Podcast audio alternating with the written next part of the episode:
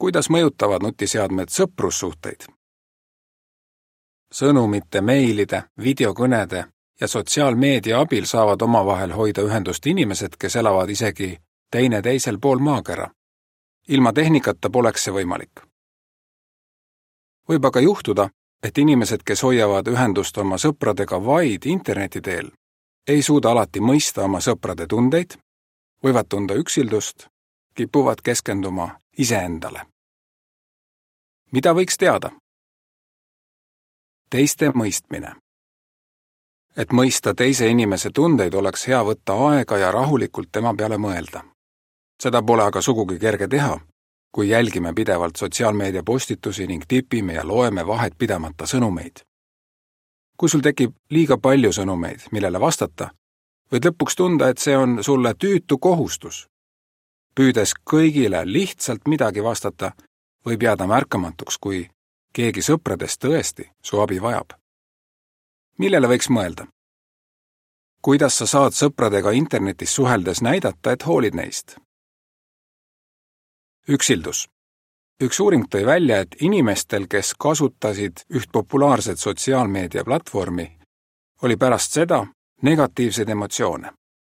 teiste põnevate fotode vaatamine võib panna võrdlema enda elu teiste omaga nii võib tekkida tunne, et teiste elu on lust ja lillepidu, aga sinu oma tühi ja igav. millele võiks mõelda? kuidas vältida sotsiaalmeediat kasutades enda võrdlemist teistega? minakesksus.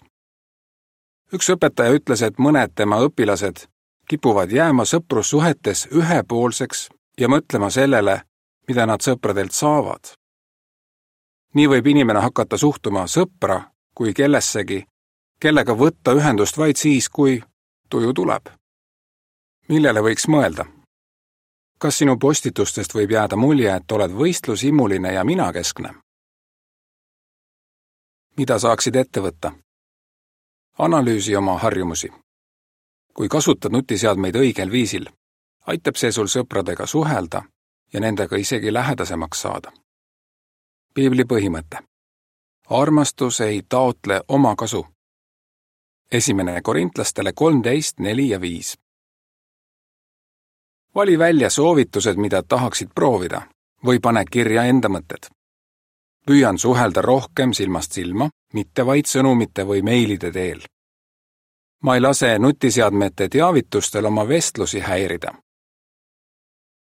Vähendan aega, mis mul kulub sotsiaalmeediale püüan olla parem kuulaja. märkan sõpra, kellel on raske ja võtan temaga ühendust. mõtle järgnevale. kas mul on sõpru, kellest ma hoolin ja kes minust hoolivad? kui tihti segavad minu vestlust sõbraga telefonikõned, sõnumid või teavitused?